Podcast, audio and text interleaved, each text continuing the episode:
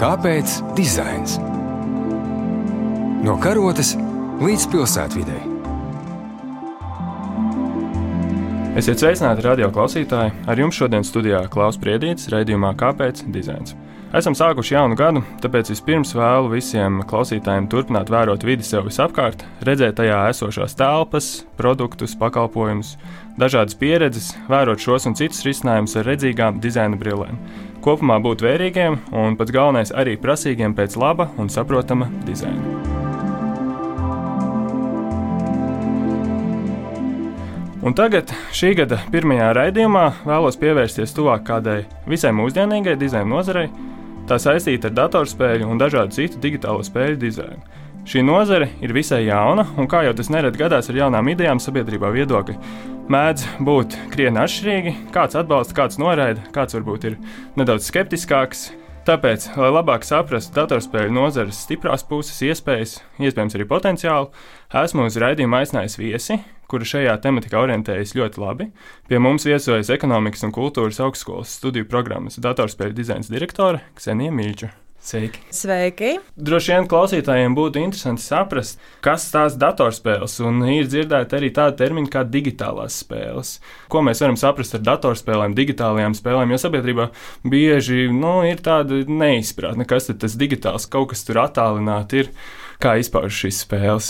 Datorspēles noteikti būs tāds šaurāks lokus, jo datorspēles mēs spēlējam uz datora, bet uh, manā nodaļā zem tā liek arī apu izstrādi, kas ir uz telefoniem, planšetēm. Digitāls būs kaut kas daudz visaptverošāks, uh, respektīvi spēles, ko mēs uh, spēlējam arī ar brīļu palīdzību, spēles, ko mēs spēlējam ar papildinātās realitātes palīdzību, tāpat ar telefonu, planšetes palīdzību. Viss tas, ko mēs redzam, principā digitālā vidē. Es esmu dzirdējis, ka cilvēkiem, nezinu, kur izveidojas priekšstats, ka viņi dzird digitālas spēles, ka tas kaut kāds azartspēles, tur bieži nauda ir iesaistīta, atkarība, visas tās kaut kādas negatīvās blāknes, bet patiesībā jau spēlēm ir liels pozitīvs potenciāls. Protams, tās nav azartspēles, tās uh, ir spēles ar dažādiem sižetiem, dažādām režijām, tāpat spēles, kuras tiek izmantotas arī kā mācību līdzeklis. Ir zināmas arī spēles, kuras palīdz dažādu psiholoģisku problēmu gadījumā. Respektīvi, azartspēles ir pavisam cita kategorija. Nu jā, tāpēc es arī vēlējos veidot šo raidījumu, lai kaut kā kliedētu to mītu, un uh, mēs kopīgi varētu arī ieraudzīt tās dizaina ietekmes šajās spēlēs. Kādas īsti ir mūsdienīgas digitālas spēles? Agrāk ir bijušas uh, arī visādas spēles, ko mēs televizoros spēlējām, tur likām spēļu konsoles, kas ir aktuāls mūsdienās. Īstenībā mūsdienās arī konsoļu spēles var likt zem digitālajām spēlēm un datorspēlēm. Arī tās joprojām vēl izstrādā, un tās ir ļoti aktuālas. Tāpat Hogwarts Legacy ļoti aktuāla spēle, manuprāt, bija priekš visiem Harry Potter faniem. Tāpat arī, pieņemsim, Nintendo Nintendo Switch, ko var nesāt līdzi un spēlēt to pašu Mario, Mario kārtu, visu iespējamo, manuprāt, ļoti, ļoti aktuāla lieta. Un mēs spēles varam vairāk kategorizēt pēc šiem žanriem, vai arī tas veids, kā mēs spēlējam tās spēles. Nu, ir dzirdēti vairāk tādu nosaukumu - papildinātā realitāte, virtuālā realitāte, kā tās mūsdienu tehnoloģijas un iespējas ienāk spēļu pasaulē. Tas, protams, ir atkarīgs no preferencēm, ko katrs vēlas darīt. Protams, virtuālā realitāte ir imersīva un cilvēks pilnībā var atrasties noteiktā vidē spēlēt vai zīmēt. Ir NT varianti, entās iespējas, ko ir iespējams darīt virtuālajā realitātē, atkarībā no brīļu kvalitātes, cik labi izšķirt spēju. Var arī spēlēt papildinātajā realitātē. Ļoti labs atkal piemērs ir Pokemon Go, kad realitāte tiek papildināta ar GPS vai ar grafiku skaņu 3D.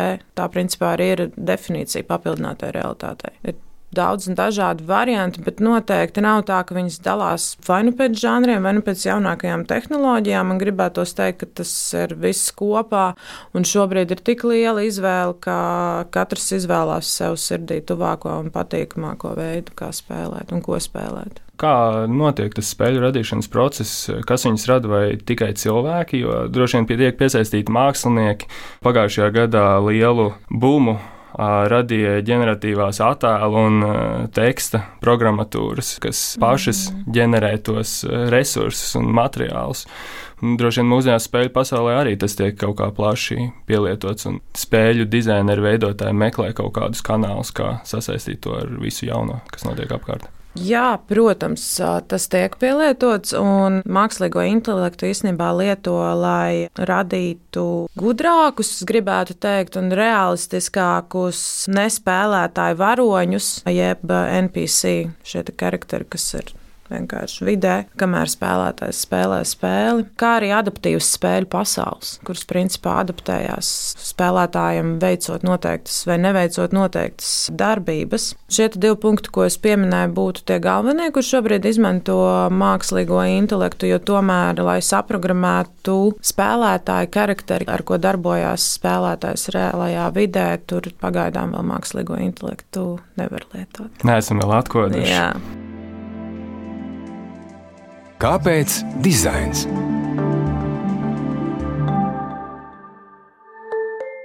Spēles var būt ne tikai izklaides žanrs, bet viņas var mēģināt iesaistīt arī izglītības procesos. Varbūt ir kaut kādi mm -hmm. labi piemēri, kā šī spēļu vide var uh, iedarboties uz uh, to spēlētāju, lietotāju, varbūt ne tikai sēžot divānā, tajās konsolēs spēlējot, bet arī nu, skolas solā. Varbūt tā var iemācīties vēsturi labāk. Ir atsevišķa kategorija, kas ir izglītojošās spēles, kuras drīkst pielietot, un kuras arī pielieto. Varbūt šobrīd Latvijā netik ļoti vēl daudz, un to sauc par game-based learning. Tā kā atsevišķa sastāvdaļa mācību procesam, par kur ir veikta arī daudz pētījumu.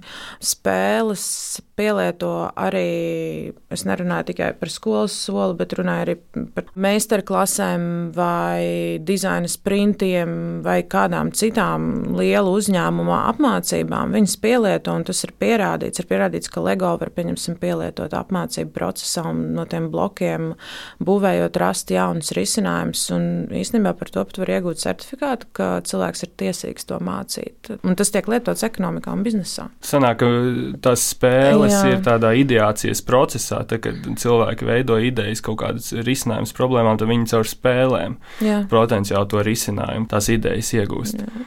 Nu, populārākais piemērs noteikti būtu Minecraft, ko jau no trim, četriem gadiem. Bērns jau saprot, kas notiek. Viņš sēž pie datora un viņš spēlē to Minecraft, bet viņš ieliek arī programmēšanas pamats, viņš ieliek dizaina pamats, kaut kādu formu, pamatus. Esmu redzējis daudzus kursus, kur tieši piedāvā mazākiem apgūt caur Minecraft programmēšanu. Un attīstoties pasaulē, taču mēs arī ejam uz priekšu un attīstamies, arī mainās mācīšanās procesi. Sanāk, ka viņi programmē caur to spēli. Mm, jā. jā. Tu jau teici, ka citās valstīs ir prakses, kur spēles tiek kaut kā oficiāli virzītas izglītības saturā. Kāda situācija ir Latvijā? Domājot gan par datorspēlēm, gan par to visu plašāku digitālo spēļu nozari. Mēs esam tādā sākumā iedīglī.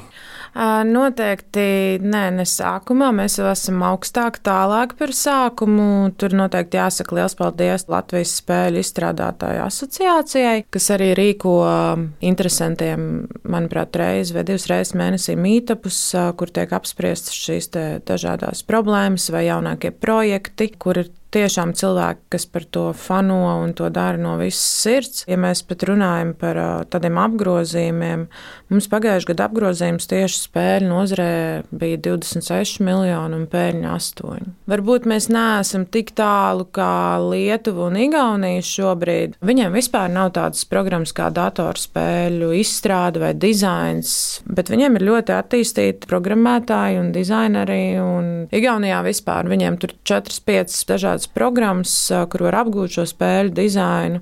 Viņi tādā ziņā nu, visvairāk attīstītām gribētu teikt. Mēs noteikti ejam uz priekšu, mums ir daudz jauni talanti. Es arī skatos, kas notiek pie manis nodaļā. Es redzu jau spēles, arī ko rāda studenti. Tās ir arī spēles, kuras aizskar nopietnas jautājumus. Pieņemsim, man bija meitene, kas uztaisīja spēli par to, kā mazināt panikas lēkmes ar virtuālās realitātes spēļu palīdzību. Mhm. Varbūt var kaut ko par to risinājumu izstāstīt. Virtuālajā realitātē cilvēks tiek iegremdēts šajā vidē, kas viņam varētu izraisīt panikas lēkmes un fobijas dažādas. Tur bija dažādi līmeņi šīm vidēm, līdz ar to caur šādu veidu terapiju viņi arī pārliecinājās pie psihologa, ka tas ir iespējams mazināt šīs lēkmes, ja mēs runājam par medicīnisko pusi. Un caur šādu terapiju, tad cilvēkam paliek vieglāk, viņš pierod pie vidēm, kas viņam izraisa paniku. Pieņemsim, tur ala vai koncerts, skaļš. Viņai tur bija vairākas tās vidas uztaisītas. Tāpēc, manuprāt, spēles noteikti pie mums attīstās un ir cilvēki kas to vēlās attīstīt. Jā, man tieši šī tēma arī liekas tāda interesantāka, nu, kas ir daudz vērtīgāka nekā tāda vienkārši parasta izklaide. Bet, kad eh, tās spēles pieskarās tām sociālajām problēmām un kaut kādiem jautājumiem, nu, man eh, prātā nāk, ka spēle varbūt var mazināt cilvēkiem vientulību, eh, rosināt, satikt tā tava pati pieminētā Pokemon Go, laikam tā spēle. Man liekas, tas ir interesanti. nu, jā. Vientulības mazināšanai un bambuli vai kas tur vēl. nu, jā, bet tās ir aplikācijas. Bet jā. domājot par tādu spēļu procesu, tad man liekas, nu, tas attiec cilvēkus pilsētvidē, kas arī spēlē, piemēram, to pašu spēli. Un tad jūs satiekaties, un iespējams, jūs tā spēle vieno, un jūs izveidojat kaut kādas draudzības pat saiknes. Jā, tā būtu forša ideja. Ņemot vērā to, ka cilvēki ir ļoti vientuļi mūsdienās un ir ļoti daudz pētījumu un pierādījumi šai vientulībai un cilvēku sajūtām. Īsnībā, jā, tā būtu forša doma un ideja, ko varētu attīstīt. Jāpaskatās, vai ir kāda analoga. Es zinu, ka ir arī äpi terapija, bet tie laikam būs vairāk api, kas, pieņemsim, palīdz ar ADHD, kas ir tāda ļoti aktuāla tēma īstenībā mūsdienās. Un bijuši studenti, kas izstrādā, pieņemsim, simulāciju priekš policijas, bet tā bija viņa iniciatīva, tas nebija pasūtījums, kas ar papildinātās realitātes palīdzību simulē dažādas scenārijus, apcietināšanu, šaušanu. To var arī realizēt. Savu pirmo maģistra darbu rakstīju par papildināto realitāti. Viņa bija tikko aizsākusies Latvijā, vēl tikko parādījās Overlay birojas. Es izmantoju arī mākslā papildināto realitāti. Pieņemsim, armijā tā ir ļoti normāla praksa.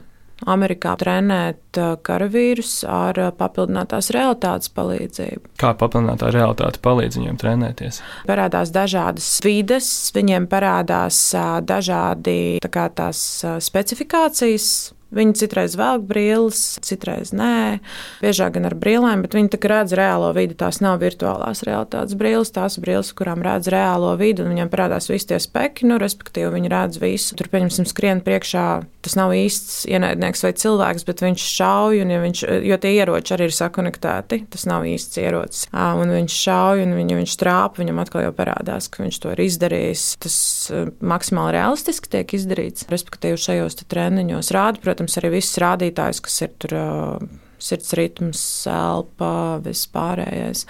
Tāpat, pieņemsim, 3D modelēšana, kas ir, ka tagad sievietes stāvoklī var apskatīt, var redzēt to bērnu, nu, ka viņš tāds trīsdimensionāls, nav vairs tāds plankums, Aha. nesaprotams. Var apskatīt tādu kā trīsdimensionālu modelīti no tā bebīša, kas Jā. palīdz arī diagnostikā, pieņemsim, ja mēs runājam par kādām iedzimtām kaitēm.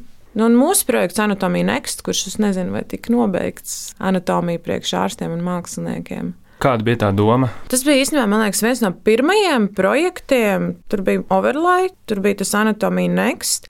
Doma bija tāda, ka varēja papildinātajā realitātē, tur noskanējot, pieņemsim, kaut ko, marķieri kaut kādu, varēja redzēt tur muskuļus, kaulus, skeletu, vai kā izskatās tur galva pārgriezta, ka uz pusēm nezinu, kā tur smadzenes izskatās, kā izskatās galvas kauls un visas tās detaļas. Tas bija tāds pirmais vispār par ko sāka runāt pie mums, man liekas, par papildināto realitāti. Kāpēc dizains? No karotes līdz pilsētvidē.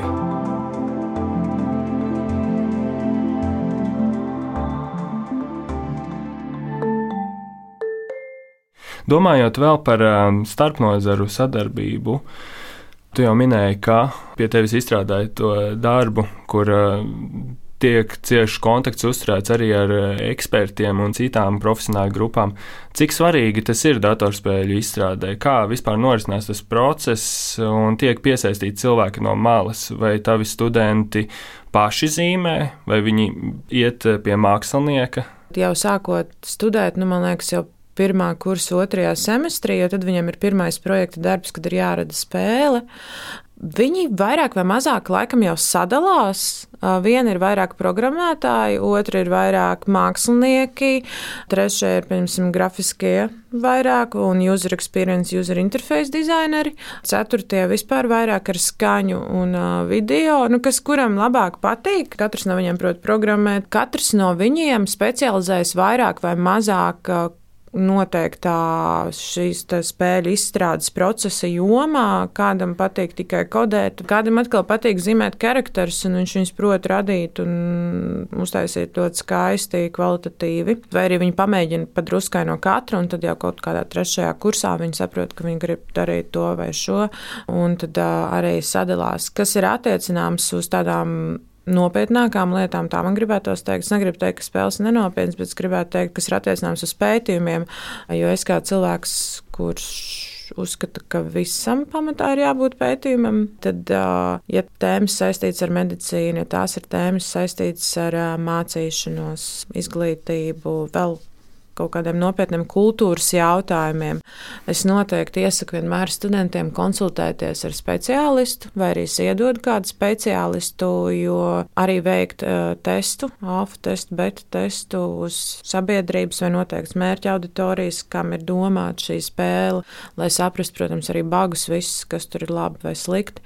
Jo citādāk tas ir tāds ļoti subjektīvs skatījums, un dizains, kā mēs zinām, nevar būt subjektīvs, viņš ir objektīvs. Māk māksla var būt subjektīva. Līdz ar to viņi nemaz nevar īstenībā bakalaura tā arī uzrakstīt uh, bez uh, pētījuma. Viņiem ir jāveic pētījums, un daļa ir tas, ka viņiem ir jāveic aptaujas vai anketēšana par noteiktu problēmu, ko viņi risina.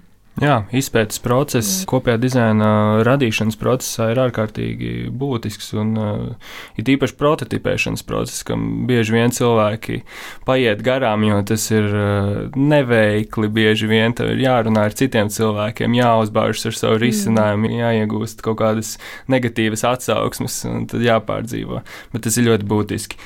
Nobeigumā varbūt eh, ir kādas nākotnes eh, perspektīvas, kā tu redzi, nu, kur tās spēles attīstīsies, kur viņas mūs eh, vedīs aizvien vairāk. Nu, vairāk, es nezinu, pat uh, jau tagad, man liekas, tas ir ļoti labi attīstīts. Iespējams, te rodās arī šis vientulības uh, risinājuma aspekts, uh, ka cilvēki spēlējot spēles un, pieņemsim, uh, runājot spēles laikā ar citiem playeriem vai čatojot uh, tādā veidā, jā, viņi kaut kādā veidā izkliedē savu vientulību, iespējams. Manuprāt, Mums jau ir diezgan viss digitalizēts, un es zinu, ka arī tagad ir iniciatīva vēl vairāk digitalizēt izglītības jomu, un dizaina digitalizācijas rīki arī tiek aizvien vairāk popularizēti. Es domāju, ka spēles aizvien vairāk parādīsies kādu profesionālu jomu apgūšanā, jo man tieši tagad studenti ies praksē kur viņi taisīs spēli, pieņemsim, priekš topošajiem frizieriem vai pavāriem vai vēl kādu, lai varētu kaut ko tur trenēties un skatīties un saprast to jomu, arī sadarbojoties ar tiem pašiem restorāniem un skaistumkopšanas saloniem, lai tas būtu maksimāli pietuvināts vispār uh, realitātei un tam, kā tas notiek. Uh, es domāju, jā, ka tas noteikti vairāk ieies mācību procesā. Nu, ikdienas dzīvē jau tas ir tik daudz patiesībā. Es pati, neskatoties uz to, ka es esmu ap to digitālo vidi, man nevisai patīk sēdēt daudz telefonā vai datorā vai kaut kādās iekārtās. Man liekas, tas ir apnicis. Kādreiz tas bija aktuāli, bet šobrīd man liekas, ka pa daudz.